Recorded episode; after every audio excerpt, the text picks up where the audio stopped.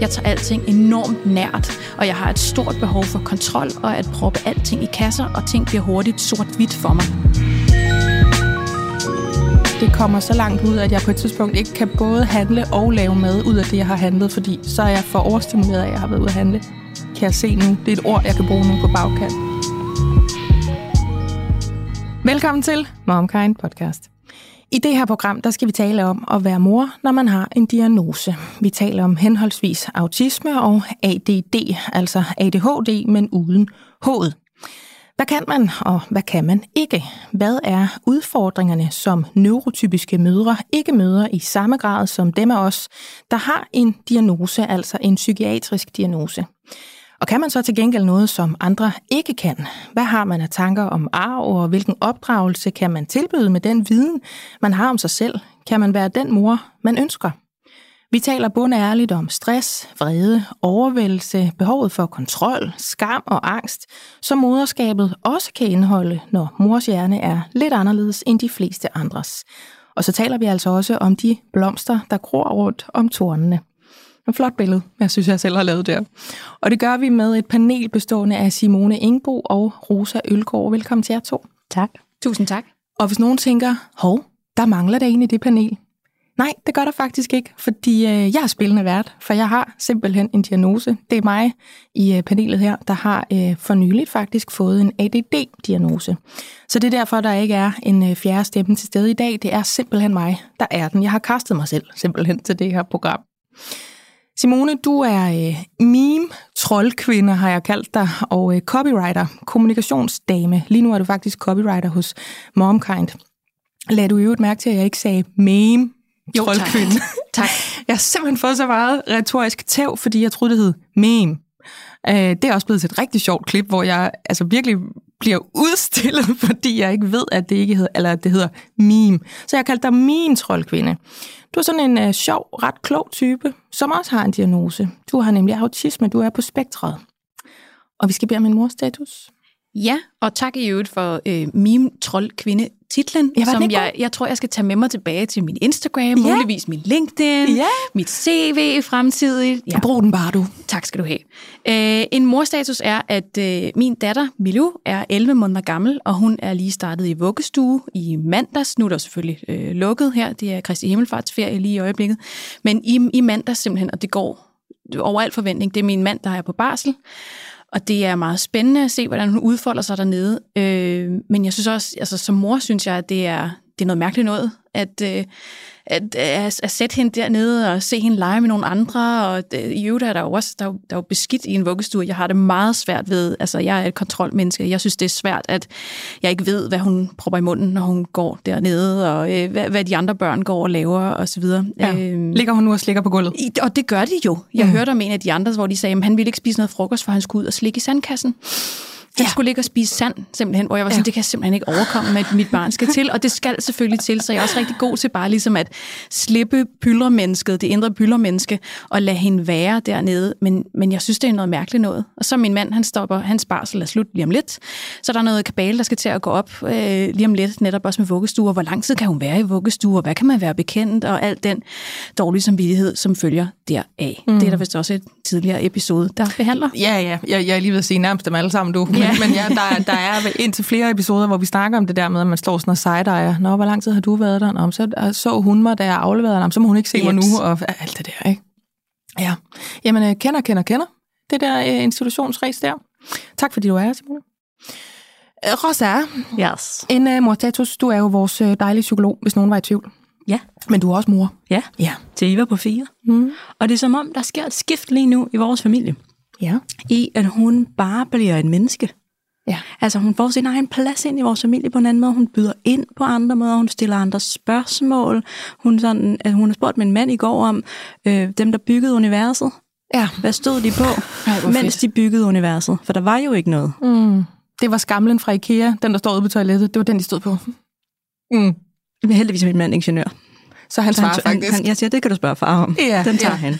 Men ja. altså, vi, vi gik ud og spise i går aftes til Kristi Himmelfarts øh, ferie nu, så hun har fri i dag. Vi måtte vække hende 20 over 9 i dag.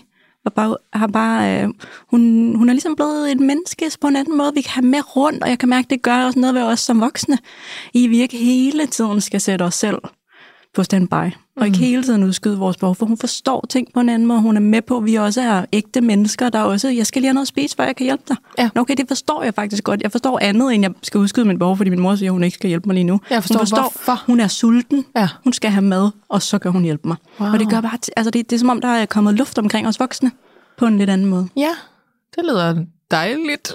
Um, ja, sorry, Majbrit. Var det ja. en segway over til din mm. morstatus, Majbrit? Ja, ja, men det, altså, jeg har også lige stået og sagt det til jer. Altså, jeg, jeg har det bare for sindssygt øh, lige for tiden. Vi har det for sindssygt derhjemme. Øhm, og, og jeg prøver sådan at tænke, kan, kan jeg sige noget andet end det? Kan jeg fremhæve noget andet end det? Kan jeg sige noget med, vi er begyndt at tegne, eller, men der er bare ikke andet end den der sådan craziness med at være med to børn, der har så vidt forskellige behov. Og jeg nåede sådan at tænke i morges, da vi stod og kiggede på hinanden, og sådan var lige ved at græde næsten af overvældelse og udmattelse, fordi vi sover jo ikke. Øhm, at jeg sådan skulle få ind i kroppen det der med, ja, hvis man nu kun havde en baby, så var det også hårdt. Altså det var også udfordrende. Men så havde vi også en treårig, og det kan også være hårdt. Der er også nogen, der har en treårig, som synes, at de er spændt for. Men mm. vi har begge dele. Mm. Og så var der også en mor, som havde en diagnose, og så var der mm. en far, der var øh, metaltræt af at være på barsel, og så var der også lige noget arbejde, og nogle ting, vi gerne ville. Altså, jeg prøvede sådan at retfærdiggøre, måske det forkerte ord, men sådan få det til at give mening, give mig selv lov til på en eller anden mm. måde, at være så rundsmadret. Og det, og det giver mening, når jeg sådan siger det til mig, men kender I ikke det der med, at man er så dybt i pløjesporene, at man bare kun altså, kan mærke det, man er i, men man kan ikke mærke konteksten. Mm. Man kan kun mærke, at lige nu er det bare så sindssygt og så hårdt, at det bliver nok aldrig bedre. Eller sådan. Eller, nå, det giver også mening, fordi sådan. Altså, græsset er vådt, fordi det har regnet. Nej, græsset er vådt, fordi vi er dårlige forældre. Altså, sådan, det, det er virkelig sådan uh, intenst og meget Mm, jeg har sådan fået lyst til at vise de der rystehænder til ja. jer. Ikke? Mm. Øhm, og det er faktisk i virkeligheden også noget, som altså en, en energi, jeg vil tage med ind i det her program, hvor vi skal tale om diagnoser.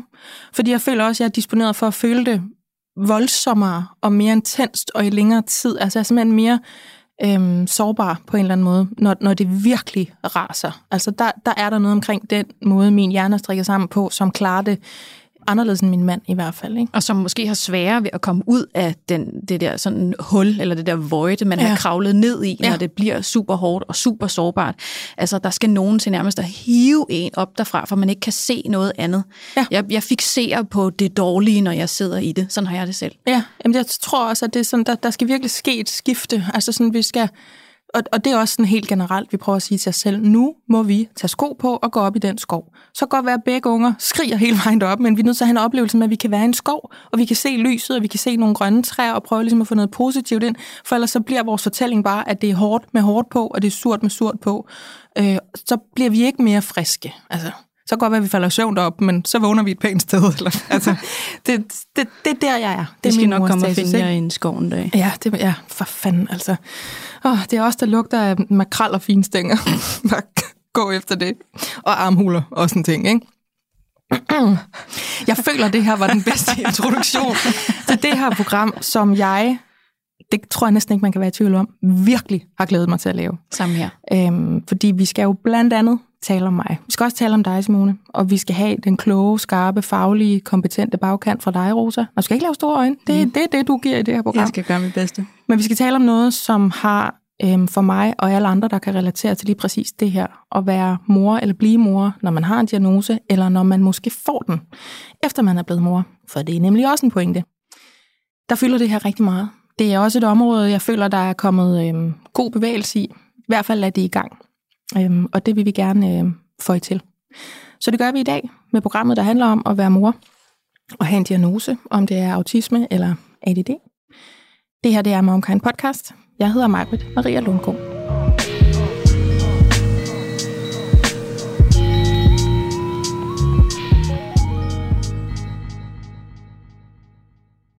Denne episode af Momkind Podcast er sponsoreret af Puri. Og jeg har jo tidligere fortalt om, hvordan jeg er blevet glad for deres vitaminer. Men nu har jeg lyst til at dele, at jeg også er blevet glad for deres kollagen. Jeg blander faktisk deres CP1, som er testet ren kollagen, og CP3 Beauty.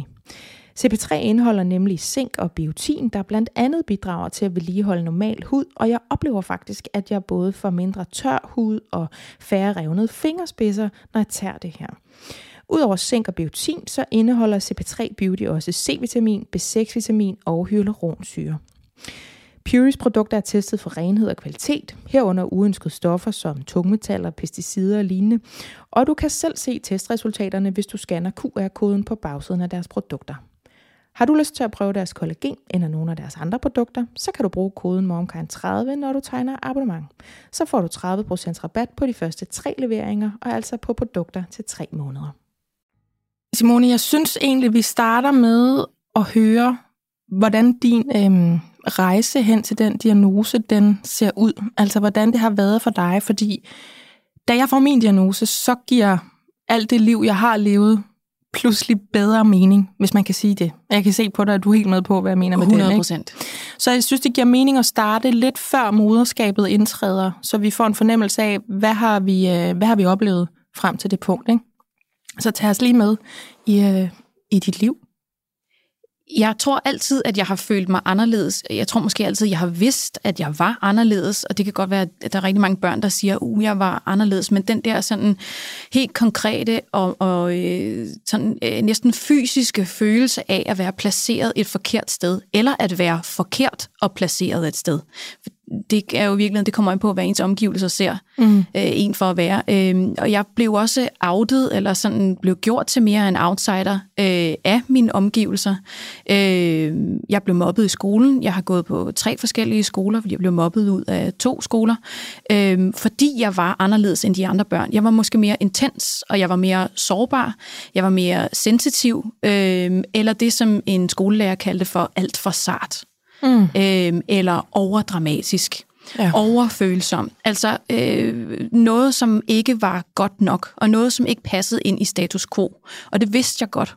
Og det vidste børnene også godt, og som vi snakkede om, inden det her program gik i gang, at nogle af de bedste til at diagnostisere, det er måske andre børn, fordi de udvælger nogen, som er anderledes end flokken, øhm, og så kaster de et spotlight på dem øhm, ved for eksempel at mobbe dem. Øhm, fordi man skal helst passe ind i sådan en folkeskolekontekst, og det mm. gjorde jeg ikke. Nej. Så på den måde har jeg altid vidst, at der var noget, der var... Øh, som ikke sådan helt passede ind i normalen, quote unquote. Ja. Øh, og hvis vi så bare tager øh, videre, jeg, det er noget, som ligesom fortsætter. Jeg synes altid ligesom det her med, at jeg er en drama queen, eller er øh, overfølsom, eller super sensitiv, at det ligesom er noget, der bliver bragt op øh, mange gange, også af mine øh, forældre, eller på arbejdspladser, at jeg føler for meget. Jeg tager alting enormt nært, og jeg har et stort behov for kontrol, og at proppe alting i kasser, og ting bliver hurtigt sort-hvidt for mig. Øh, enten så er vi gode, eller vi er onde. Du må ikke gå over for rødt, for det er forbudt. Jeg kan ikke tåle, at folk ikke følger reglerne. Altså, det er meget, meget svært at spille med på et kollegium, for eksempel, hvor alle bryder reglerne i et eller andet ølspil. Ja. Øhm, fordi altså, jeg kan begynde at tude over, at folk ikke følger reglerne, fordi nu har vi jo regler. Hvorfor skulle vi ellers have dem? Ja. Det, vi hygger os lige på en bestemt måde nu. Det kan godt være, I er fulde, men det står jo lige her. Og sådan er det, ellers ja. så må vi smide de regler ud ja. og, lad, og sige, at reglerne er, at der ikke er nogen regler. Men ja. hvis vi har regler, så skal de følges, fordi ellers så kan jeg ikke følge med i mit hoved. Mm. Jeg har behov for, at der er nogle rammer og nogle kasser, sådan så, at øh, det måske lægger lidt en dæmper på alt det øh, kaos, der kan være op i mit hoved. Ja. Hvis jeg så propper det i en kasse her, eller siger, det her det er sort, og det her det er hvidt, eller det her det hænger sådan sammen på en snor, eller en tidslinje, eller et eller andet andet Excel-ark lignende øh, stykke schema, øh, så, har jeg, så, så har jeg i det mindste styr på det, når ikke jeg har styr på mig selv. Ja. Fast forward til øh, for tre år siden, øh, hvor at øh, jeg er 33, øh, så i en alder af 30 år læste jeg en artikel om en sendiagnostiseret kvinde, øh, som også var i 30'erne, øh, som udviste de samme karaktertræk som jeg udviser. Altså det her med at have klaret sig enormt godt i skolen, og i virkeligheden være øh, social og empatisk, hvilket ellers er træk, som man ikke øh, taler om som, som noget, som autister kan. De er ofte, det er de nonverbale, eller de er ikke særlig empatiske, de føler ikke lige så meget. Det gælder så ikke rigtig piger og kvinder, og det kommer vi også tilbage til.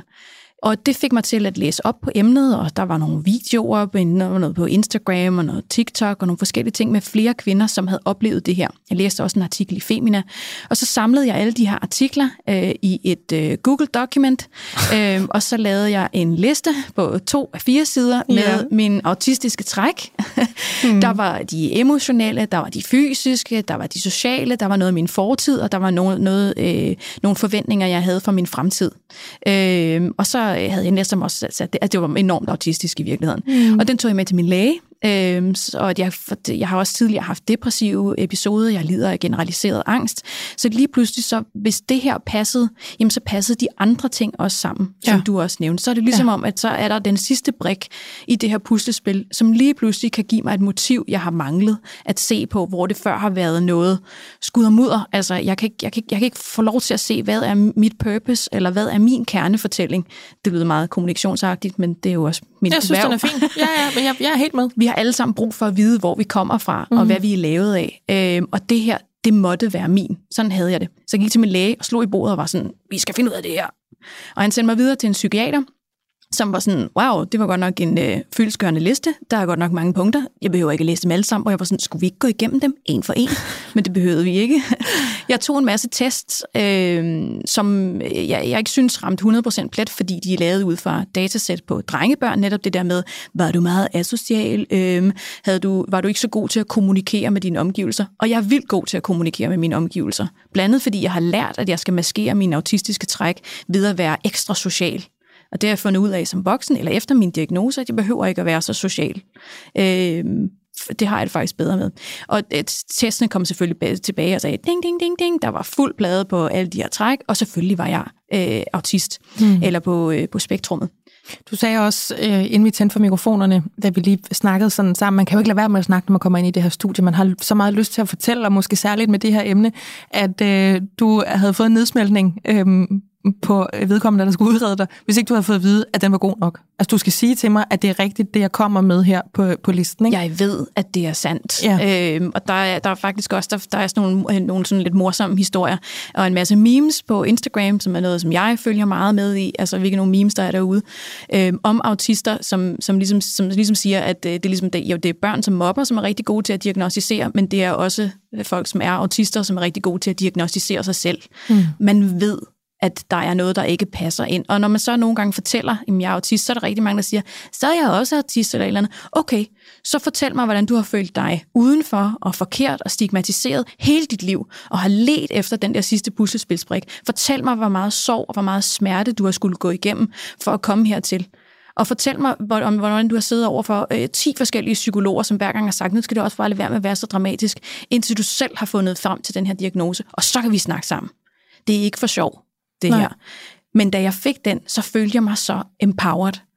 Det var, altså jeg får helt gåsehud, mm. når jeg siger det. Jeg blev så lykkelig, fordi lige pludselig var det jo ikke mig, der havde været forkert. Lige pludselig så gik det op for mig, at jeg måske ikke var skyld i, at jeg var blevet mobbet. Det lærer man jo, når man bliver mobbet, at øh, man er forkert, man er grim, man er dum, man kan ikke noget. Men når man får den her, så var det sådan, det var bare mig, der var anderledes. Jeg mm. passede ikke kemisk ind i den sammensætning af de andre børns kemi. Ja. Og det skulle der have været plads til, og det var der ikke. Mm. Det var, det var hele rejsen. Ja, men det, altså jeg... Ja. Jeg vidste godt, da vi skulle lave det her program, at det ville blive dybt, fordi du har autisme, Simone, og jeg har ADD. Men der er så meget i den der fortælling om, hvordan man bliver til et menneske. Øhm, de år, hvor alting i forvejen raser på en, altså i teenageperioden, ja, nu bliver du også rørt, men ja. det, når der sidder sådan to øh, neurodivergente sild over for hinanden, så, så øh, vi ved noget om hinanden, øh, allerede inden vi øh, trykker hinanden i hånden første gang, ikke? Øhm, så det bliver bare, det er bare fordi, den der følelse af at blive spejlet, den har jeg ikke øhm, været i til knæene i hele mit liv i sagens natur. Øhm, så derfor så er der noget, du sagde, øh, power. Øh, den følelse har jeg. Og følelsen af, at der er, noget, der er noget skam, der letter hver gang, der er et andet menneske, som jeg opfatter øh, som dejligt og kompetent og orienteret og alt det der, der, der spejler mig. Øhm, til trods for, at vi ikke har den samme diagnose, så er der nogle ting her, der går ekstremt igen. Øhm, du blev diagnostiseret før øh, du bliver mor. Øhm, jeg blev diagnostiseret, mens jeg er højgravid med mit andet barn. Og øhm, min øh, rejse, min proces øh, hen imod det her, tror jeg, jeg har sådan de tidligste minder omkring, da jeg er 12-13 år gammel. Øhm, jeg kan huske, at jeg lige pludselig bliver meget, meget ængstelig for at køre tog. Af en eller anden grund, så synes jeg, det er for meget. Jeg har en opfattelse af, at alle de andre, der sidder inde i toget, vil mig ondt. Jeg kan huske, der er meget retorik på det tidspunkt omkring det her med fremmede overgreb, øh, piger, der har oplevelser, som ændrer dem for resten af livet. Der er meget det her med at kunne beskytte sig selv. Der er mange piger i min klasse, der taler om, at de vil gå til selvforsvar og sådan Det tror jeg, jeg har taget rigtig meget ind. Så jeg får det til at være, at hvis jeg skal med toget, så er det næsten det samme som, at jeg skriver mig op til en rigtig grim oplevelse. Så jeg udvikler meget stærk angst omkring at skulle med toget. Øhm, til det punkt, at jeg kan huske på et tidspunkt, der er der en ældre mand, der viser mig, at en dør i toget ikke skal lukkes op, som du vil åbne en dør. Den skal trækkes til siden. Det er en skydedør. Og det viser han mig ved, at han lige rækker hånden ind over mig. Og så får jeg et angstanfald, fordi jeg tror, at nu, nu sker det. Altså så ængstelig er jeg på det her tidspunkt, at jeg begynder at udvikle regelmæssige øh, angstanfald, øh, for hvad jeg kan se nu er stress, og sådan begyndelsen på de her sådan små depressive træk i cykluser, fordi jeg ligesom er så overvældet af, at det bliver sværere og sværere at være mig. På det her tidspunkt, der øh, skifter jeg skole, fordi jeg bliver mobbet. Øhm, jeg kommer tilbage efter en sommerferie, og for at sige det rent ud, så tror jeg, jeg kommer tilbage med et par bryster, jeg har fået mig. Jeg kommer tilbage med jeg ved ikke, om I kender det der, men nogle gange, når man har så lang en sommerferie, som man har i, i folkeskolen, så kan man næsten være en anden, når man kommer tilbage. Der sker meget med unge mennesker lige den På godt og på ondt, ja. Ja, bestemt. Og det tror jeg, der var sket med mig. Jeg gik fra at være klassens klovn, sådan en, der kunne sidde på et kateter og underholde alle i et spisefrikvarter, til at være, hvad jeg selv opfatter øh, som en trussel måske, for nogle af de andre piger, der før bare havde set mig som en, en veninde eller sådan noget. Så jeg bliver mobbet på den måde, at der ikke er nogen, der taler til mig øhm, i ugevis, og til sidst så ender det med, at jeg får en dødstrussel øh, på min øh, Nokia-telefon. Jeg havde den der med antennen. Der bliver ringet til mig øh, en hverdagsaften, og jeg tager røret. Jeg kan huske den der følelse af at stå med den der kæmpe mobiltelefon, og mine hænder begynder at ryste. Og jeg kan sagtens høre, hvem af pigerne fra min klasse det er. Men jeg kan ikke, altså hun har gjort et eller andet, så hendes stemme er anderledes. Jeg ved ikke, om hun snakkede igennem et viskestykke, eller hvad det var. Og når man har sådan en oplevelse, så tror jeg, at man kan være tilbøjelig til at tro, jamen så er det jo derfor, jeg er bange, så er det jo derfor, jeg er ked af det, så er det jo derfor, jeg bliver mobbet. Men måske blev jeg også mobbet, fordi jeg allerede dengang opførte mig en lille smule anderledes, eller havde en anden måde at bære mig selv rundt på. Men hvem skulle have vidst det, imens jeg var teenager? Fordi der er jo så mange piger, der har det skidt. Det er jo det, der er historien, ikke? Ja, det har vi bare. Det er sådan lidt det har vi jo bare. noget, vi regner med. Ja, det, skal det, være, det skal være så svært det, at være. Det er nemmere at være en teenage-dreng, end det er at være en teenage-pige, fordi åh, der, og der sker meget. Der er en rigtig grim dynamik i pigegruppen nu. Vi holder lige et ekstraordinært forældremøde, alle de her ting. Så jeg ender med at skifte skole øh, til en anden lille landsbyskole. Øhm, og har det egentlig godt der, kommer videre i gymnasiet, Øhm, og kan godt mærke allerede, at jeg synes, øhm, det her sted, jeg går i skole, og den by, det gymnasiet ligger i, strammer mig lidt om skuldrene. Jeg bliver en lille smule til grin, fordi jeg på det tidspunkt begynder at skrive.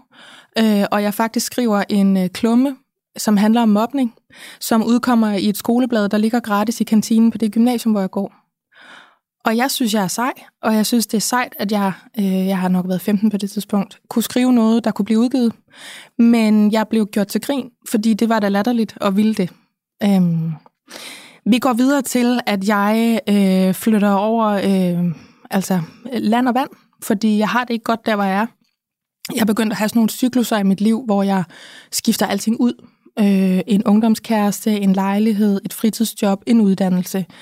Det er egentlig ikke, fordi jeg selv opfatter det som problematisk, fordi jeg modtager egentlig ret meget ros. Der er kommet sådan en sætning i min familie med, jamen det kan godt være, at du stopper med mange ting, men du laver jo aldrig ikke noget. Du ved jo altid, hvad du vil. Så er du mega passioneret omkring den her ting, og så kører du 100% på med det, og så stopper du jo så med det igen på et tidspunkt. Det regner vi med by this time, men du går jo altid i gang med noget.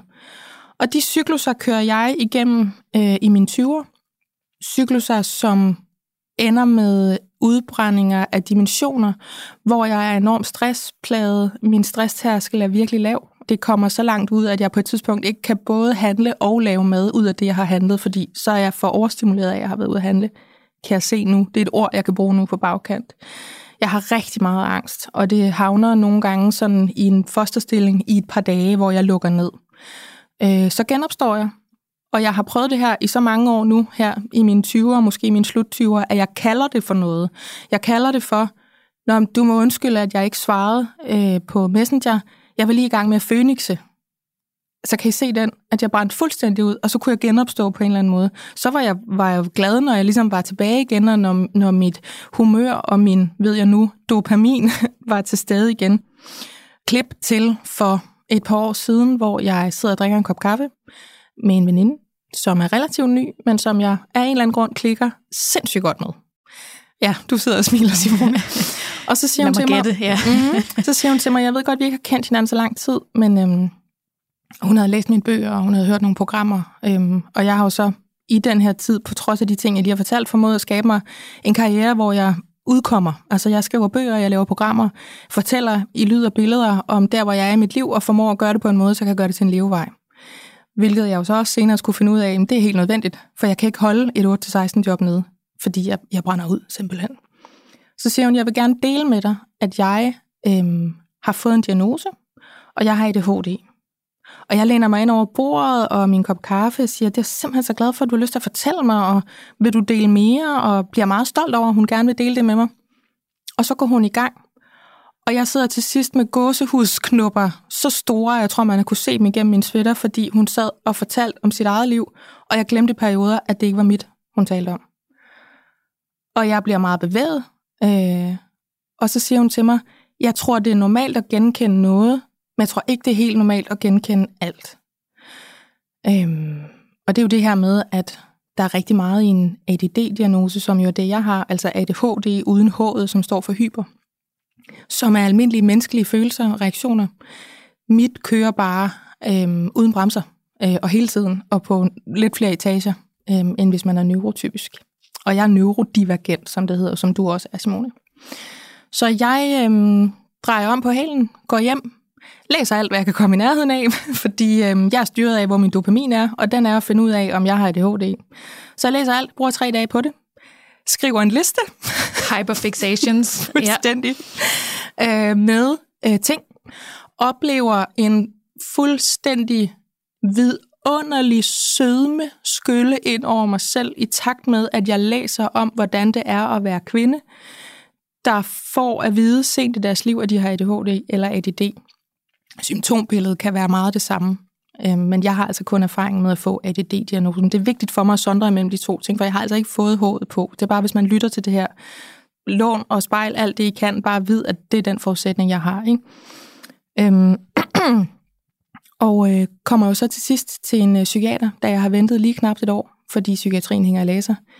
Det ved alle, der har brug for den, øh, og alle, der er i gang med den. Det er et helt andet program. Det er måske muligvis en nyhedsudsendelse. Øhm, men jeg kommer ind til en psykiater efter et års tid.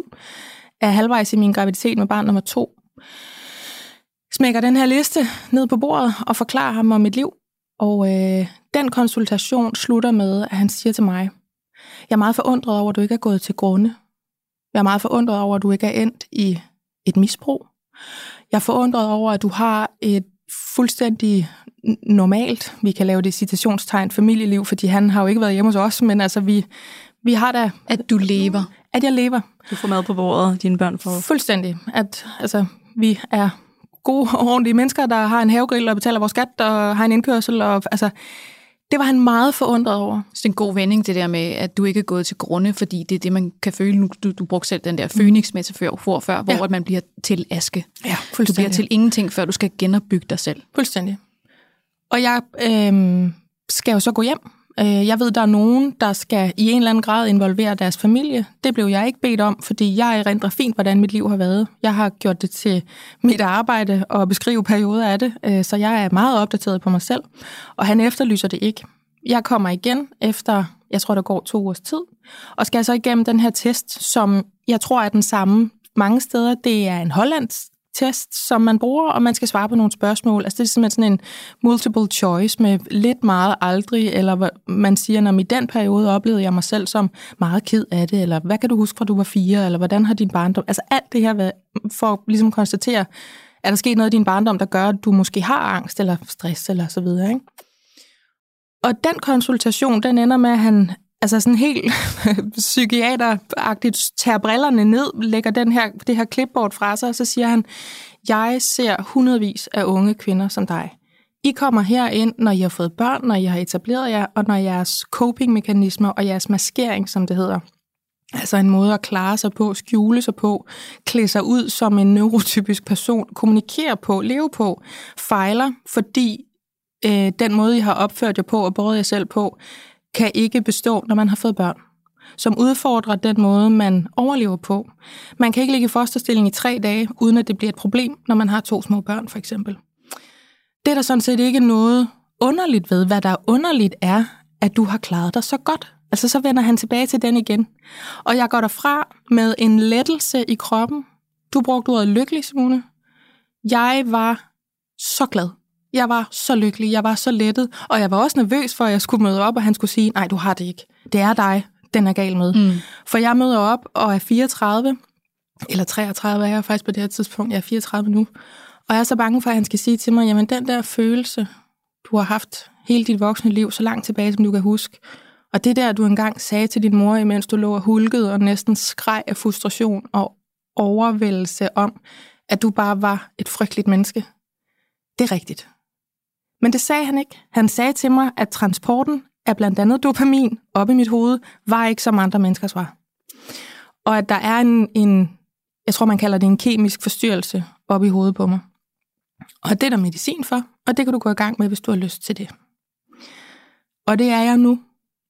Og jeg er en blanding af lettet, lykkelig og fuldstændig rødglødende, rasende. Jeg skulle lige til at sige, om der kom noget med vrede, fordi at jeg bliver. er gået igennem ja. mit liv uden den hjælp. Fordi når jeg tager medicin, øh, det er jo Ritalin, øh, som er et gammelt præparat, men som jo stadig bruges, så bliver jeg bragt på niveau, så godt som muligt i hvert fald, med mennesker, der ikke har en konstant rumlen af uro og angst, øhm, og stress, og måske i sidste ende depressiv træk inden i sig. Den bliver simpelthen fjernet, den der bund. Og jeg vil fandme gerne have vidst, måske bare, måske bare fra jeg var teenager, men egentlig bare fra starten, da mine altså, drenge-klassekammerater blev diagnostiseret, men pigerne ikke gjorde, at det var det, der var. Prøv at tænk på, hvor meget lort jeg kunne have undgået, Prøv at tænke på, hvor glad jeg kunne have været for mig selv. Fordi det, der er sket, og der, hvor jeg vil slutte min rejse her, nu har jeg også talt længe, det er, at jeg har aldrig været så glad for mig selv, eller så sød ved mig selv, så overbærende og forstående ved mig selv, som efter jeg har fået den diagnose. Faktisk allerede inden jeg fik den af psykiateren, fordi ligesom dig, Simone, jeg ved godt, hvad det er. Jeg ved godt, hvad det er, der er med mig. Jeg har, jeg har siddet det sidste år og mere til og allerede indrettet mig på, at det er det, der er i vejen med mig, eller det er det, der er med mig. Og fra dag af, der blev mit liv lettere. Da jeg begyndte at få medicin, der blev mit liv endnu lettere. Så det er min historie med min ADD-diagnose, som jeg jo fik øhm, for ganske nyligt, som så mange andre kvinder, der bliver sendiagnostiseret af de grunde, som du også kort var inde på. Systemet er lavet til drenge, hed til. Men diagnosen er sådan set ikke ny, fordi den har jeg haft altid. Du er sådan. Ja, sådan. Øh, om man siger, at man har en diagnose, eller man er på en bestemt måde. Det er jo, det er jo op til, til den, som, som har det på den måde. Mm. Jeg får ikke medicin. Det findes ikke til folk, der er på spektrum, medmindre man lider af svær angst, eller man måske også har ADD eller ADHD øh, samtidig med autisme. De følges også tit ad. Det er ja. jeg ikke blevet udredt for. Det, det tror jeg ikke. Jeg har, jeg har generaliseret angst, men, men har valgt ikke øh, at øh, ville prøve øh, medicin, for der er så mange bivirkninger, og jeg får noget medicin for min migræne også, som jeg ikke tror vil gå godt i spænd med hinanden. Øh, det lyder jo helt vildt, at, at, du, at du kan komme ned på niveau. Det er noget, jeg drømmer om og mm. ønsker mig, men godt ved nok ikke er i kortene for mig, men det lyder vanvittigt. Altså, det er jo ikke gjort med det. Det ved jeg jo også godt. Men jeg synes bare, det at jeg kender mig selv og ved, jamen det er ikke fordi, du er dum, dårlig, doven er en kæmpe ting. Det er fordi, du ikke har den samme kemiske cocktail op i hovedet, som alle de andre, mange andre i hvert fald, går og hygger sig med. Og det er altså en gave til sådan en som mig, der har fået en Ph.D. i at se ind af og fortolke sig selv, har været gruppens psykolog i overvis, fordi jeg har været tvunget til at vide alt om, hvordan mennesker har det, fordi jeg selv har haft det så fucking frygteligt. Det var det, jeg tror, jeg, da vi talte sammen i, i går, da du briefede mig om, øh, om dagens program, hvor vi snakkede om, at når man er neurodivergent, så lærer man at tale det sprog. Øh, man, man lærer at tale to sprog. Det er neurodivergente sprog, altså det afvigende sprog, om man vil, øh, fordi man er anderledes, men du lærer også, at du skal tale det neurotypiske sprog, for du skal passe ind i samfundets kasser. Der er andre spilleregler. Du skal passe ind sammen med, sammen med alle andre normale eller neurotypiske menneskers spilleregler. Men du kan også det andet. Men mm. neurotypiske, de kan kun tale neurotypisk. Det er sådan en form for psykiatrisk esperanto. Ja. og det kan jo også være, at det er min lille kreative krøllede hjerne, der finder på sådan et udtryk. Det ved vi ikke. Det er jo nemlig det der med, at det er lidt svært nogle gange at skille ting ad, og behøver man egentlig det, hvis man synes, man har fået det okay efterhånden, ikke? Simone, det var hver vores rejse, og vi skal jo altså bevæge os ind i moderskabet. Men først så skal vi kigge over på Rosa, som jeg synes har set på os begge to med smil og meget milde øjne, og du har nikket, og du har taget dig til tændingerne, og du har skrevet ned, og nu må vi blive lukket ind i. Hvad foregår der over i psykologen, når du sidder og hører på sådan to, øh, nu kaldte jeg også neurodivergente sild før? Det kommer også på CV'et. Tak. Ja, neurodivergent sild. Jeg synes selv, det er meget god. Hvad tænker du, Rosa? Jeg tænker, at I beskriver så fint, hvorfor jeg ser en del, der kommer hos mig med nogle andre symptomer, eller nogle andre udtryk for, hvad de selv synes, de bøvler med, efter de er blevet forældre. Mm. Og at der, det føles som om, der ligger for meget på tallerkenen.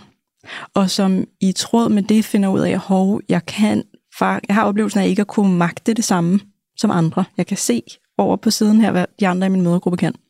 Og i den tråd bliver udredt. Der er sådan nogle helt grundlæggende ting på spil med at kunne organisere sig, kunne skabe en struktur, kunne øh, holde et overblik, øh, kunne deraf behovsudsætte.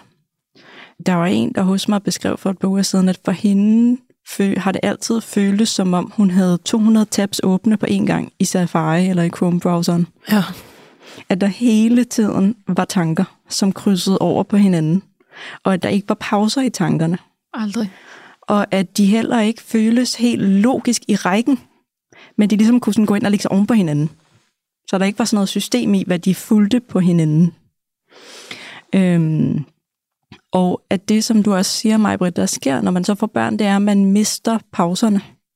Og man mister muligheden for at kunne kompensere. Og jeg tænker det som sådan en, og jeg ved ikke, om det kan mening for jer, men jeg tænker det som sådan en pil, der skal trækkes tilbage, eller en bil, der skal trækkes op, mm. som skal trækkes længere op, end mange andre skal. Og at det har man ikke på samme måde mulighed for, når der kommer børn, som man hele tiden skal til gode se hvor man ikke bare kan tage, som du siger, en tre-dages pause eller et par timer. Øhm, og der simpelthen er for meget, der ligger på ens bord.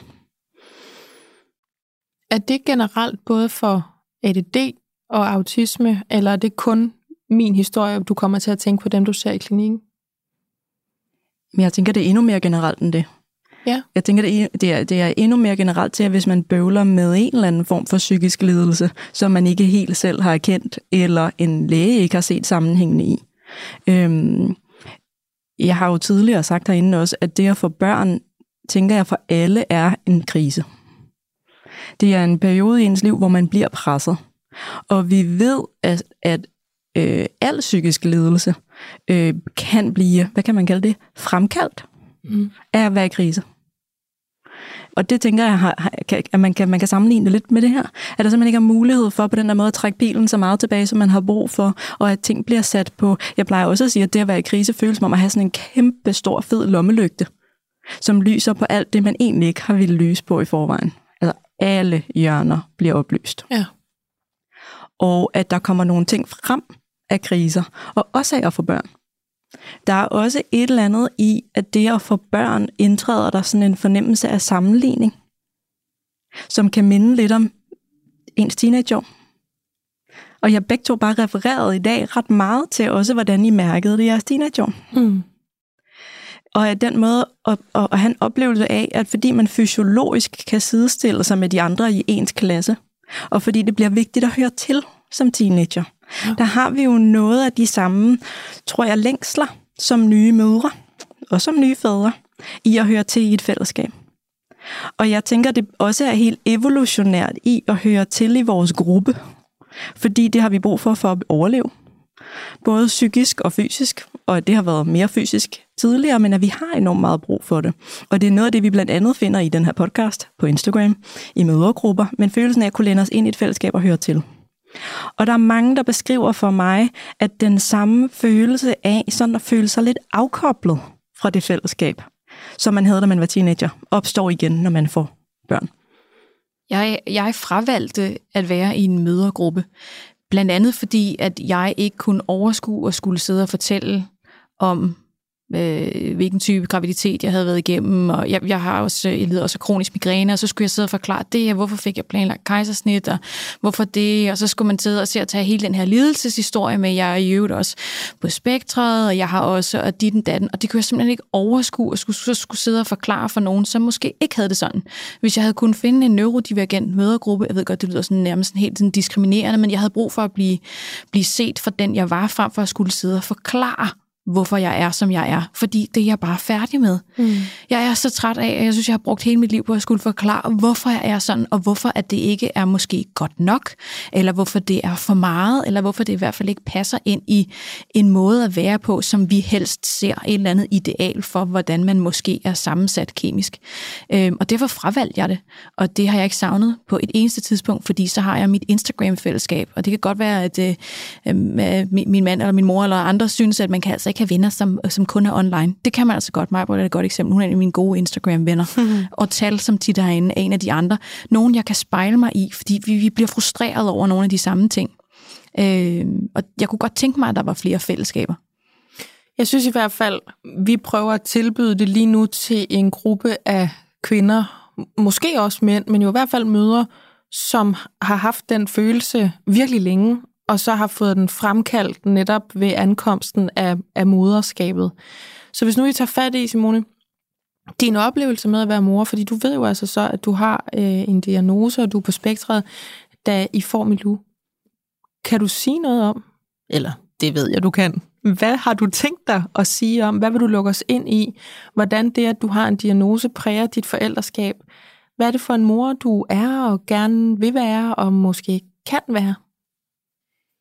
Jeg tror, det er, der er en dualitet i det, fordi der er både de ting, jeg ikke kan, og så er der de, de ting, som, som jeg kan, og som jeg allerede nu kan se, at jeg vil kunne komme til at kunne, kunne komme til. komme yes. til. Mm. Øhm, men for det første, det er også noget, vi har talt om før. Man er hurtigt overstimuleret. Der er så mange sansninger, som man skal kunne rumme, når man har en baby. Det er lyd, det er øh, berøringer, det er øh, øh, vågentid og sovetid og alt muligt, øh, som er enormt svært, og fordi man heller ikke kan komme væk fra det. Jeg kan ikke gå ind til mig selv og få et, et, et rum til at bare være mig selv og lige lukke. Og, og, og jeg er meget dårlig til at sætte grænser for mig selv. Øh, virkelig dårlig til at sige nej. Så, så jeg kører den alt for langt ud, indtil jeg så får en mindre nedsmeltning. Og så er der, så er der en anden ting i det, at øh, jeg er kontrolmenneske. Jeg har brug for de her kasser, som vi talte om tidligere. Og man kan altså ikke planlægge særlig meget med en baby. Livet er foranderligt, og kun foranderligt, når man har en baby i, i det i livet også. Øhm, og det har jeg det meget svært med, fordi at jeg kan blive helt sådan elektrisk af, af, af, af sådan frustration, hvis øh, planer ændrer sig.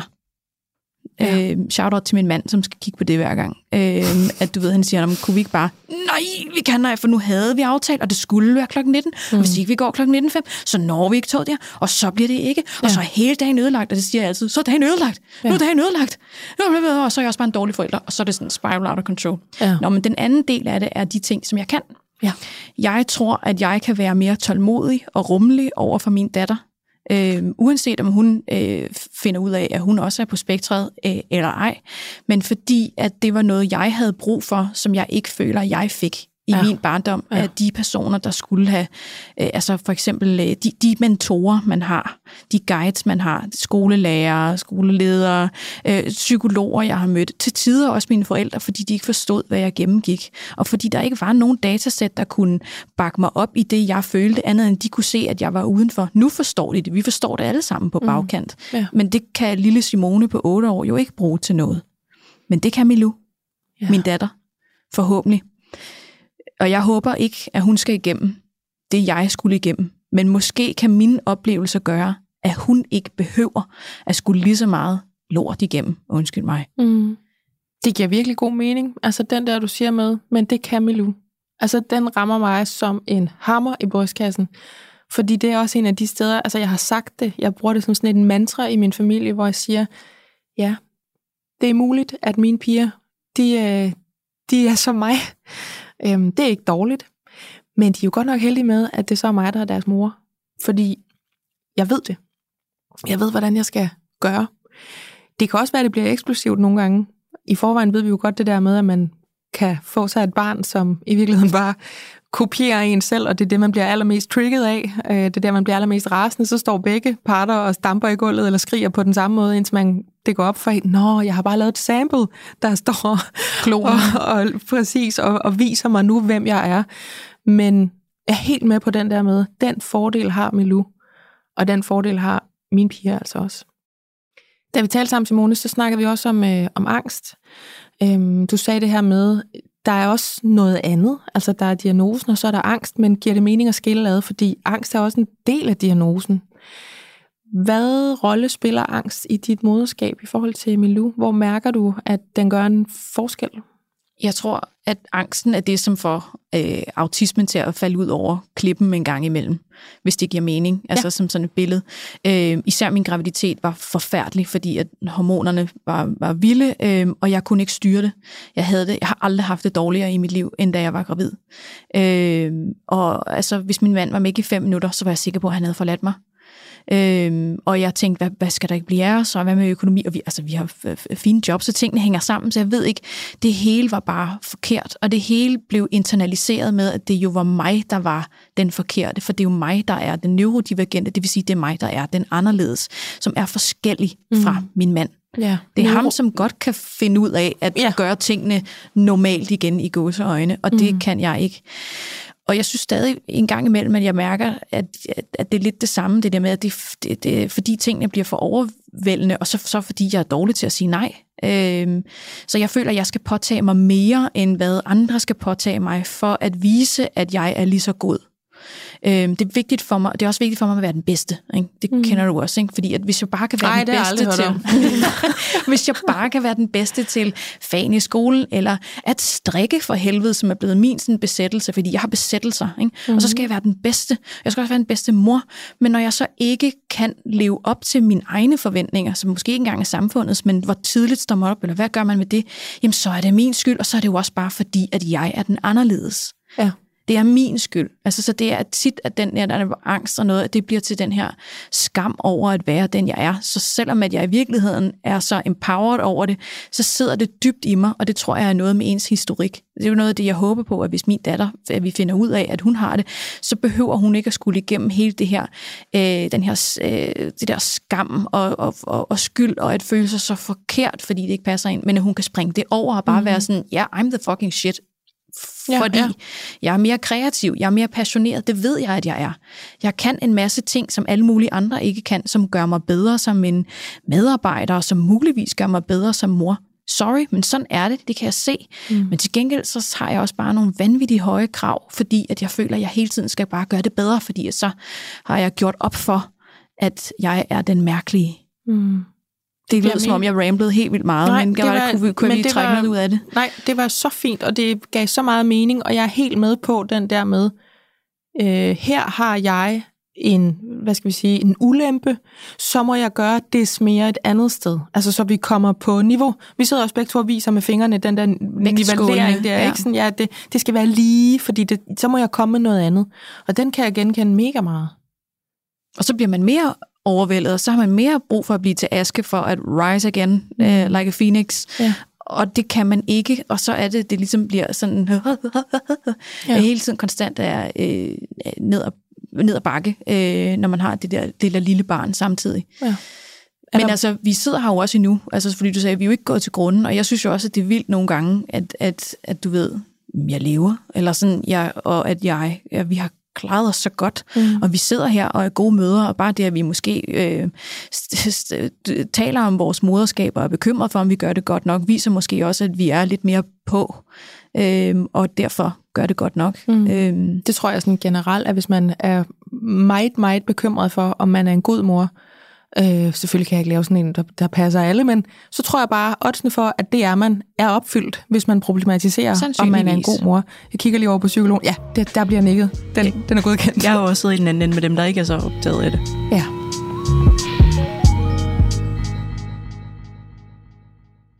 Må jeg fortælle lidt om, hvordan jeg synes, min diagnose optræder i mit moderskab?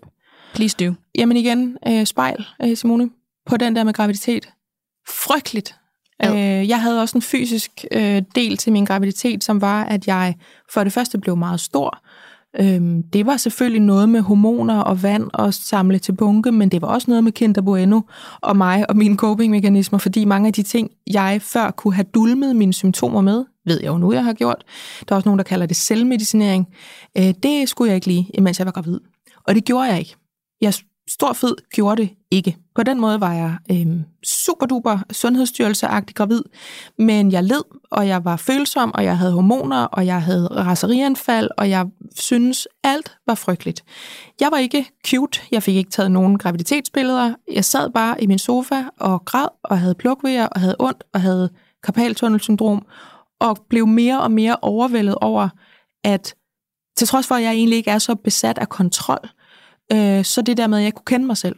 Altså nu ændrer det sig igen. Jeg synes lige, jeg har fundet ud af det. Eller så nu, nu er kroppen er bare stukket af med mig. Man må bare holde fast, som at altså, stikke fingrene dybt ned i pelsen på en tiger, der bare stikker af ind i junglen. Sådan var min graviditet. Altså, det skal være en meget stærk tiger. Altså, jeg var, jeg var virkelig en, en stor gal til sidst, øh, da jeg gik i fødsel. Og det tror jeg også var et symptom på, at jeg behandlede mine følelser med at spise, spise, spise, spise, fordi jeg havde det elendigt. Jeg tabte mig. Jeg tog, jeg tog 5 kilo på under min graviditet. Er det rigtigt? Øhm, og jeg vejede 3 kilo mindre, end før jeg blev gravid, ja. dagen efter jeg havde født. Ja. Men jeg kender Fordi godt jeg den der med, det var kan være, stresset. det kan være begge veje. Ja. Enten kan man spise det, eller så kan man sulte det. Og folk var sådan, ja, hvor er du flot, hvor jeg var sådan, thanks, I feel horrible. Ja, ja. Tak, tak fordi du roser min malfunction her. Tynd er ikke? ikke godt. Tyk Nej, heller der er præcis. ikke, altså du ved. Nej, præcis. Det er også en anden pointe. Jamen, det er en anden point. Ja. Ja, ja. Øhm, så får jeg mit barn. Er lykkelig. Bliver overvældet. Øh, bliver mere overvældet. Begynder at blive så frustreret og så overvældet, at det bliver til vrede. Det bliver til desperation, som bliver til tomhed. Og til sidst så ved jeg i det altså øjeblik, at det sådan raser hårdest i mig, jamen, jeg har en efterfødselsreaktion. Fordi det her er som intet andet, jeg har prøvet før. På det her tidspunkt ved jeg jo ikke, at jeg også har en diagnose. Jeg ved bare, jamen selvfølgelig kan du ikke finde ud af det her. Det troede du, du kunne. Du kunne heller ikke finde ud af at være gravid. Det her kan du heller ikke finde ud af, fordi guess what, det her kan du ikke styre. Du kan ikke lægge dig, lægge dig i fosterstilling. Du skal møde op, og du skal gøre det hele tiden. Og det er rutiner, og det er stadighed. Det er på samme måde hver dag. Det er pissesurt. Der er intet dopamin i meget af det her. Så det er ikke lækkert for mig at være her. Øhm, Og du kan ikke research dig til det. Du kan ikke Nej. Læse dig til og Satans. køre det ind. Nej, præcis. Det, var- der var hele cocktailen der. Øhm, til gengæld så kan jeg bytte med min mand efter syv måneder, så han overtager barslen. Der lever jeg så op igen, øh, fordi jeg kommer ud og mærker mig selv. Noget, som jeg helt generelt har brug for. Jeg er meget glad for den øh, hylde, jeg øh, er- landet på for at bruge studievejleder udtrykket. Øh, så det vil jeg gerne tilbage til. Jeg vil gerne ud og mærke mig selv i den kontekst, fordi jeg synes jo, jeg stank til at være mor. Øhm, det er også i den periode, jeg skrev en bog om lige præcis det. Jeg får jo så diagnosen, imens jeg er gravid med andet barn. Øh, fordi jeg blev ikke ved med at stinke til at være mor. Det viste sig, at øh, hun skulle bare blive et års penge. Så var det bare der, jeg satte ind. Jeg har også sagt før, både på lyd og på skrift, at øh, man kan jo godt have præferencer for moderskabet. Babyperioden er ikke den for mig. Jeg kan godt være en god babymor, men vi ved om hinanden derhjemme, at når det virkelig bliver sindssygt, så er det Michael, jeg har de største muskler. For jeg bliver så overstimuleret. Jeg bliver så træt. Jeg bliver så ked af det. Jeg bliver så tom, vred, øhm, Slidt. desperat, slidt, ind og skrige i en hovedpude, fordi jeg bliver så frustreret over, at vi er så trætte, så vågne, og hun bare ikke kan tige stille, bare ikke kan ligge selv, bare ikke vil tage flasken, bare ikke vil... Altså det der med, at jeg, jeg kan blive så overstimuleret, at jeg føler, jeg plejer at kalde det, at, at mit kød kravler, mine knogler klør, jeg bliver så fyldt, at det skal ligesom slippes ud. Og det skal jo ikke ske ned i hovedet på mine børn. Og helst ikke i hovedet på Michael. Så det bliver jeg ind i en pude, hvor man må skrige ned i en pude, fordi jeg er så fyldt, jeg er så overstimuleret. Øhm, det oplevede jeg også under første barsel, men parkerede den jo bare under, jamen, forfærdelig mor, frygtelig mor. Fik det endnu værre det. Ved nu, jamen det er fordi, sådan får du det, når du bliver skrevet ind i hovedet 8 timer i streg. For vi fik jo altså to piger med kolik.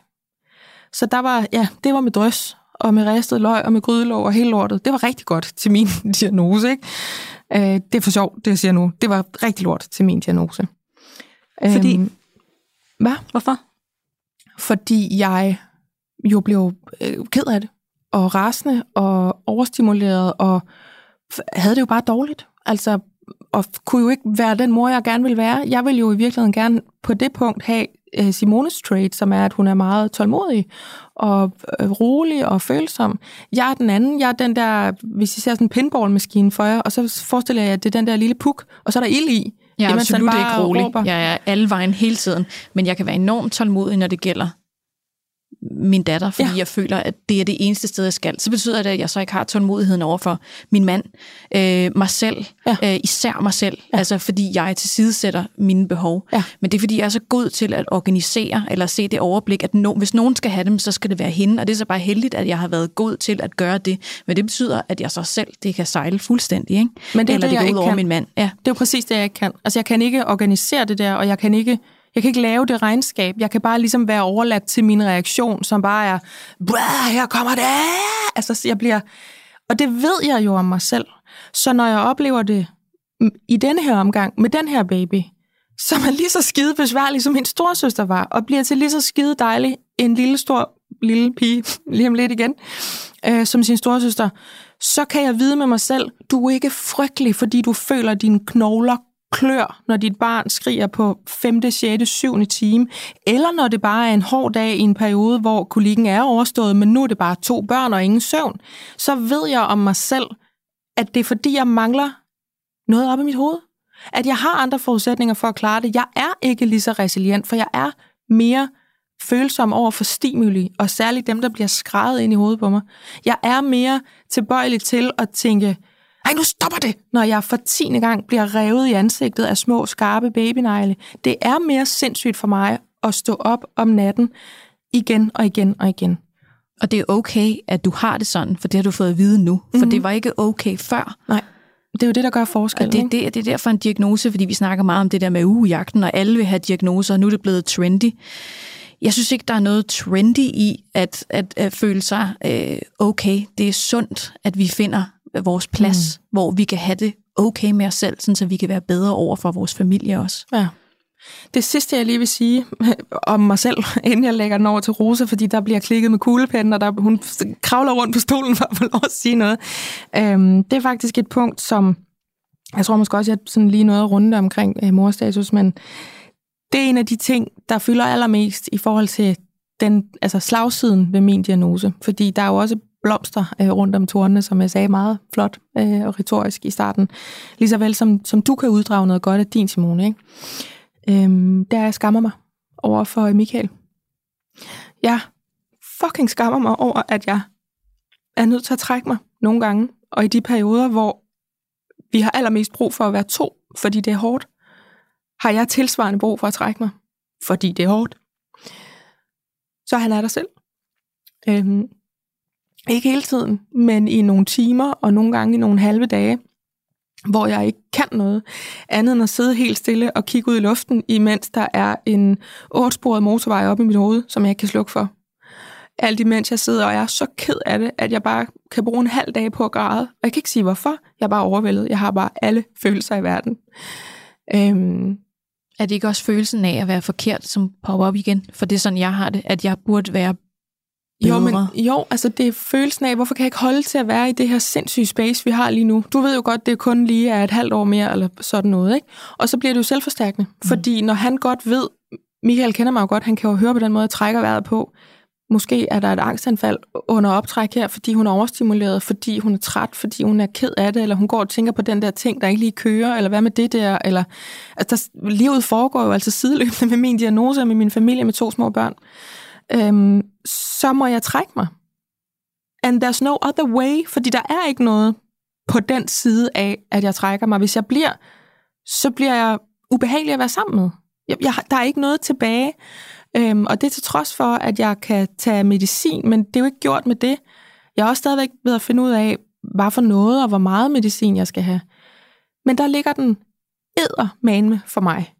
Jeg har så giftet mig med en mand og fået børn med en mand, som siger, skat, det er jo ikke, du ved jo godt lige om lidt, så er det jo dig, der shiner. Så er det jo dig, der har alle musklerne. Fordi ja. se mig som mor til en etårig, eller toårig, eller treårig. Det er der, hvor blomsterne kommer frem. Jeg er sjov, skøre, glade supermor, der kan både bage og shippe og være i vandland og monkey tonky og hvad har vi på en formiddag, fordi så har jeg et sindssygt drive på andre tidspunkter. Eller dage, hvor jeg bare har det godt, eller måske endda har sovet. Men det, der fylder allermest, det jeg føler, der er allermest synligt i forhold til min diagnose i moderskabet lige nu, det er den dårlige samvittighed over for en mand, der siger, at jeg ikke skal have den, men jeg føler den. Dybt. Jeg er med, jeg er, jeg er med dig.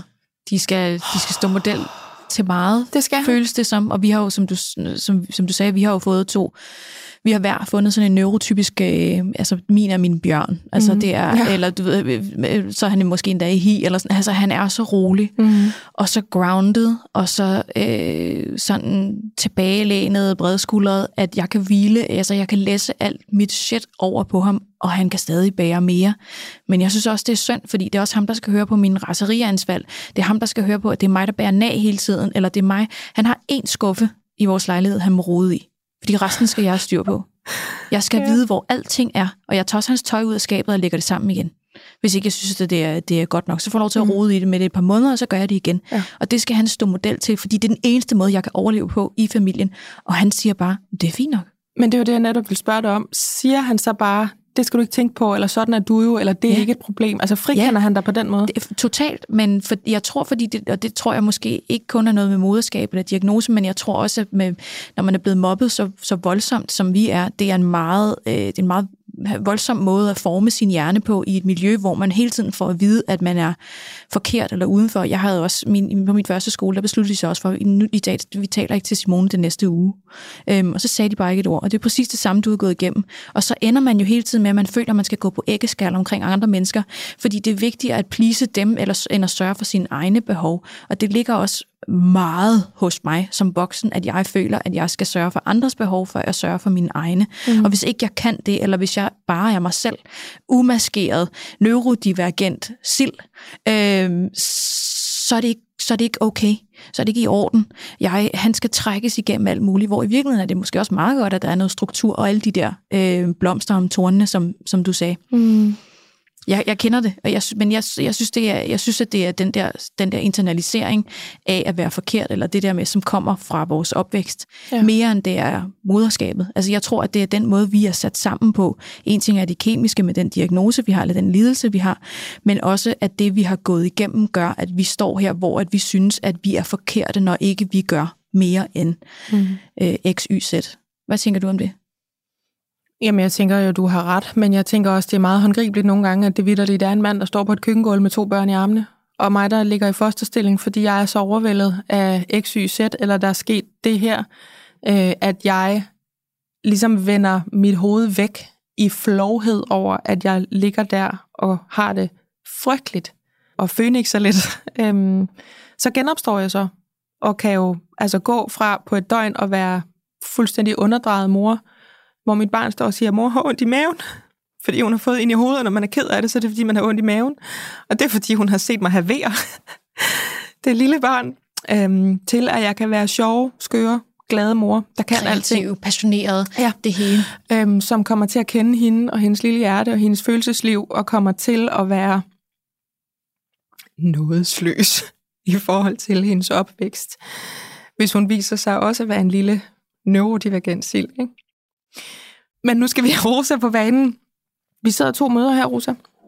Den ene er så ADD, den anden har autisme. Vi har nogle fællestræk. Vi har også nogle mænd, der minder meget om hinanden.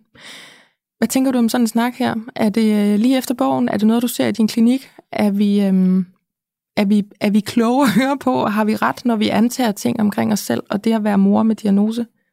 Ja, fordi I jo altid kende jer selv bedst.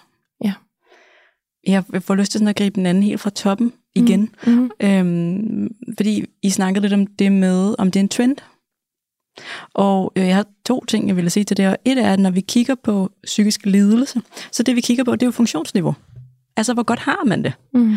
Og øh, man kan jo trives med rimelig kraftige psykiske lidelser i nogle kontekster, med nogle personligheder, med nogle temperamenter, og man kan mistrives ret alvorligt med såkaldt mildere psykiske lidelser i nogle andre kontekster, i en anden familie med et andet temperament.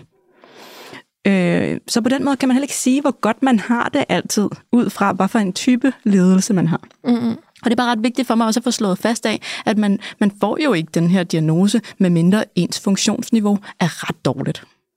Og, og jeg er med på, at der er ting, I også lykkes med. Så når jeg snakker om funktionsniveau, så har vi jo tidligere tænkt det som netop det, I beskrev med, kan, gå, kan nogenlunde følge et arbejde. Ja. Kan jeg få mad på bordet, øh, kommer i bad. Øhm, kan jeg have børn, der trives nogenlunde, hvor der ikke er 87 underretninger på. Det vi ikke har kigget så meget på, det er jo kvinders indre liv. Og deres u- indre uro, deres oplevelse, deres, deres følelsesliv. Hmm. Hele vejen igennem. Fordi det har man kunnet maskere.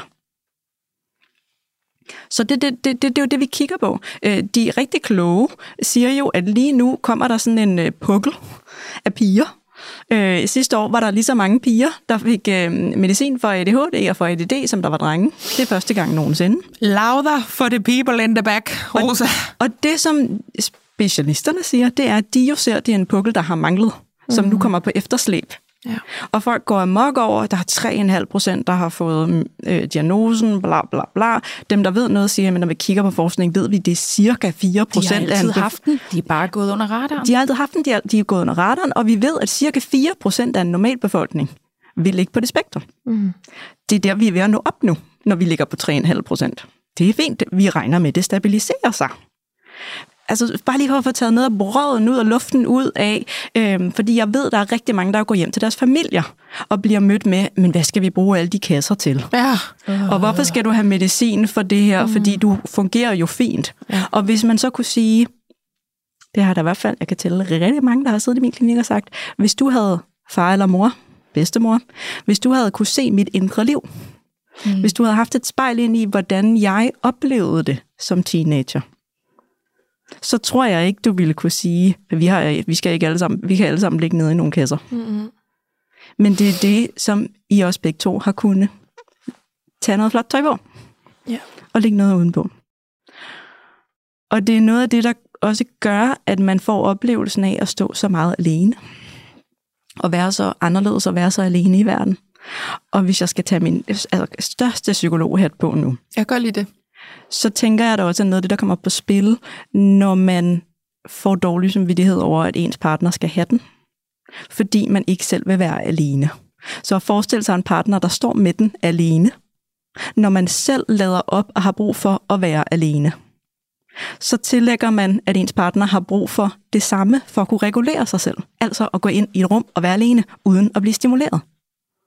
Neurotypiske har ikke nødvendigvis brug for at gå ind i et rum at være alene og slukke for alt andet for at kunne lade op. Og derfor, Majbrit, er du en mere rummelig mor, end du tror. Rigtig mange kan godt stå med et barn på begge arme og regulere sig selv undervejs. Ikke at det ikke er hårdt. Og det her siger jeg heller ikke, fordi der er en andet ben af det, som også handler om, hvor fucking hårdt... Undskyld mit sprog, det har jeg ikke sagt før i det her studie. Jamen det, det må gerne være det her program, vi får den premiere. Det er at være partner til en, der lider psykisk og uforudsigeligheden i det, og hvor, hvor, øh, hvor meget man også stiller sig selv på linje, og hvor mega ufedt det er i perioder. Det, er ikke, det siger jeg ikke for at tale nogen af jeres kraftfulde mænd eller nogle partner derude. Ja. I øvrigt ser man oftere, at man finder en, der også er neurodivergent. Så jeg tænker faktisk, der ligger I to ikke nødvendigvis lige på mm. til højre benet. Øhm, som jo kan give nogle helt andre udfordringer, hvis begge parter har brug for at trække sig øhm, som, som, man, som man skal øh, tage lidt ekstra hånd på, ja. og passe lidt ekstra på, hvis man begge to går og bøvler, ja. i at kunne lave noget mere struktur omkring, hvem får lov til at trække sig hvornår. Hvor der har I to jo nogle mænd, som jeg også tænker, I må give dem lidt credit og stole lidt på, at når de siger, at de faktisk godt kan have den, så kan de godt have den. Mm. Og man må lave nogle aftaler derhjemme om, at du siger til, hvis ikke, så at I kan læne jer ind i det, fordi, det har jeg sagt mange gange i det her studie, men skam avler skam. Og når man er presset, skammer man sig over noget, så bliver følelsen større, når man står med den. Så når, når man lukker sig ind på det værelse, eller når man trækker sig, fordi man har brug for det, og man samtidig skammer sig om det, så lærer den følelse af ikke at være god nok sig endnu dybere i en. Og den havde vi i forvejen helt fra vi var små piger, så den bliver til en rigtig, rigtig stor skamkasse. Det bliver sådan en lækker kæmpe kasse, øhm, som er genkendeligt, men som også bare vokser af den her følelse af ikke at være god nok. Den kender jeg jo. Når den ikke lyder helt afstemt med jeres familie. Hvis jeg skal være fræk. Men jeg, jeg synes ikke, mm. det lyder...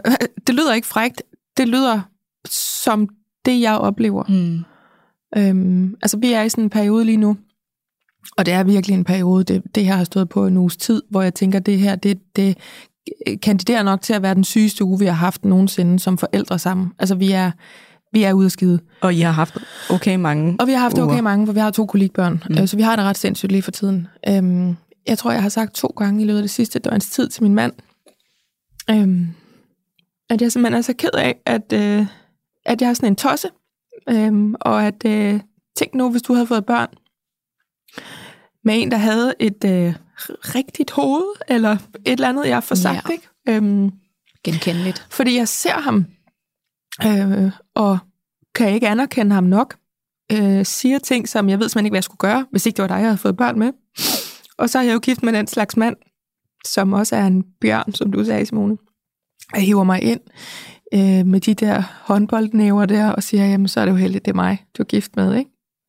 Ham kan man ikke undervurdere nok, altså i forhold til at, at rumme mig og holde mig, når jeg crasher på den her måde. Men jeg skammer mig stadigvæk rigtig meget over, at han er nødt til det.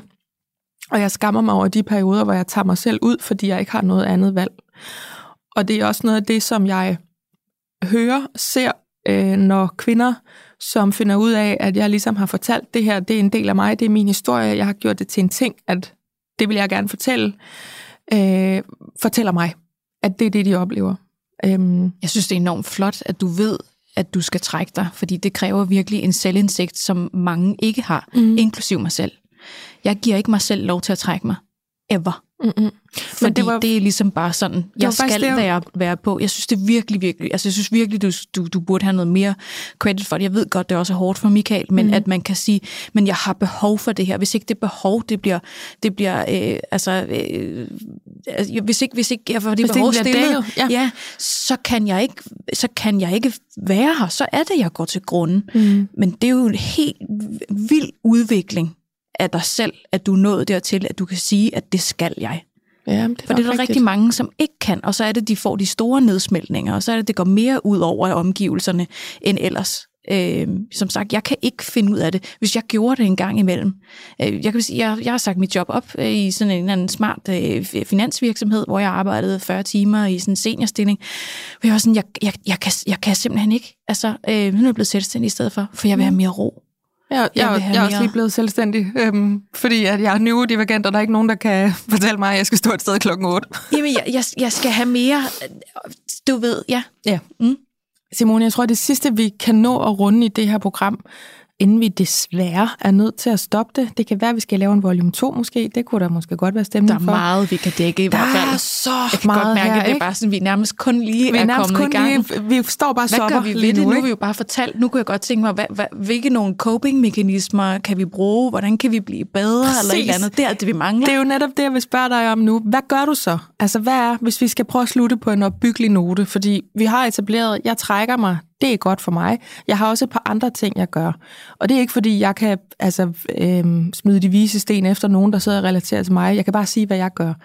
Har du en ting, du bruger, et eller andet, du ligesom knuger ind til brystet, når du kan mærke, at den her diagnose, den udfordrer mig i mit moderskab lige nu? Har du et eller andet, du ved, den der, den virker, den her tanke, eller hvad gør du? Mm, det korte svar er, nej, det har jeg ikke tænkt over, men jeg kan godt se, at jeg måske gør nogle ting sådan ubevidst. Altså, jeg er begyndt at blive, jeg er blevet, jeg er blevet bedre til at gå efter der, hvor min passion er. Øh, altså, at se det som en god ting, ikke som en, øh, en overspringshandling, at jeg er blevet dygtig til at strikke, eller at jeg bruger helt vildt meget tid på at finde memes på Instagram, eller at jeg bruger meget tid på også at dele ud af mit liv og min hverdag og øh, mine problematikker på Instagram eller andre steder. Øh, at jeg er blevet mere åben og vocal omkring det, fordi det giver mig den der følelse af empowerment, fordi så er der også nogen, man finder, man kan spejle sig i. Så føler jeg mig mindre alene, og så føles skammen, som om den skal ligge på et mindre sted, mm. hvis vi er flere om at dele den. Altså mit yndlingsordsprog er altid, del en sorg, så halveres den, del en glæde, så fordobles den. Wow, jeg synes, det er så fint, fordi hvis vi kan være sammen om det, så kan vi tage hinandens byrder lidt på hinanden, men vi kan også tage alt det empowerment og bruge det til at løfte hinanden op. Og derfor så prøver jeg at bruge meget tid på at finde ud af, hvem kan løfte mig op, blandt andet på Instagram. Eller, altså, det, det er sådan, det, jeg, har ikke, jeg har ikke en ting i hverdagen, som jeg gør for at, for at få det til at blive nemmere, men jeg prøver at være mere mig selv, autentisk ja. mig selv, ja. og gå efter det, som gør mig glad. Og hvis det lige nu er at sidde og strikke på en t-shirt, eller hvis det er at øh, udbasonere vidt og bredt, øh, at jeg er autist på min LinkedIn, så gør jeg det. Mm. Jamen, det er faktisk også det, jeg ville have sagt. Øhm, jeg, øh, hvis nogen skulle øh, sidde og være i tvivl, eller selv have det sådan, jeg skammer mig ikke. Øhm, fordi det her, det er ikke noget, jeg har gjort. Det er ikke noget, jeg har fortjent. Det er ikke noget, der er sket for mig, mod mig. Det er ikke noget forkert, jeg har gjort og betaler prisen for. Det er ikke psykologi på den måde. Det er noget kemisk op i mit hoved, som jeg har båret rundt som en usynlig sandsæk på min ryg. Derfor er jeg ikke en, en dårlig person eller en doven person. Den der med at være doven er en kæmpe ting, øhm, når man har ADD og formentlig også ADHD øhm, fordi jeg ikke har gjort A, B og C. Jeg er en fantastisk person, der formår at være resilient igen og igen og igen og møde op på trods af det. Jeg er stolt på trods af, det. af den der Er du ikke også det? Jo, jeg, altså jeg vil sige det sådan. Jeg vil da godt have været det for uden. Men når nu vi er her, øhm, så prøver jeg at få det bedste ud af det. Og det starter altså med, at jeg lærer at kende mig selv, og det er egentlig det, der sådan er min pointe, eller mit fif, det der med at være god over for mig selv. At være sød over for mig selv. Jeg bærer over med mig selv. Siger til mig selv, du kan ikke sidde og blive sur over, at du er sur, eller ked af det over, at du er ked af det, eller overvældet over, at du er overvældet. Fordi det er der en grund til. Sid med den, og accepter det. Det er okay. Du har andre forudsætninger end så mange andre mennesker. Altså at lave den der, nå, jamen det, det giver mening. Altså som jeg sagde på et tidspunkt, græsset er vådt, fordi det har regnet. Ikke fordi du er en dårlig mor. Mm. Mm. Jeg, jeg, er, jeg er stolt af det. Jeg, jeg synes, at det gør mig mere passioneret, mere øh, kreativ, øh, mere øh, rummelig og empatisk, øh, end hvis jeg ikke havde været det. Det, det kan jeg se. Mm. Øh, det gør også, at jeg brænder nallerne oftere end neurotypiske mennesker, fordi jeg yder mere omsorg. Jeg er der mere i andre situationer, fordi jeg bare gerne vil gøre det så godt, og jeg bliver meget intens. Men det synes jeg er fedt. Jeg kunne godt tænke mig, at der var mere af det. Jeg vil gerne have, at der var flere, som var sådan over for mig, hvis det giver mening. Det, det lyder enormt mening. sådan selvsmagende og ananas, der flyder rundt i sig selv. Men, men det, det synes jeg, når nu du ikke, som du siger, det kan ikke være anderledes. Mm-hmm. Okay, det er sgu da meget fedt. Ja, men det er all about det der. Og de ting, du siger, de ord, du bruger, sådan opfatter jeg dig. Så familie er det rigtigt. Rosa, øhm, den faglige bagkant.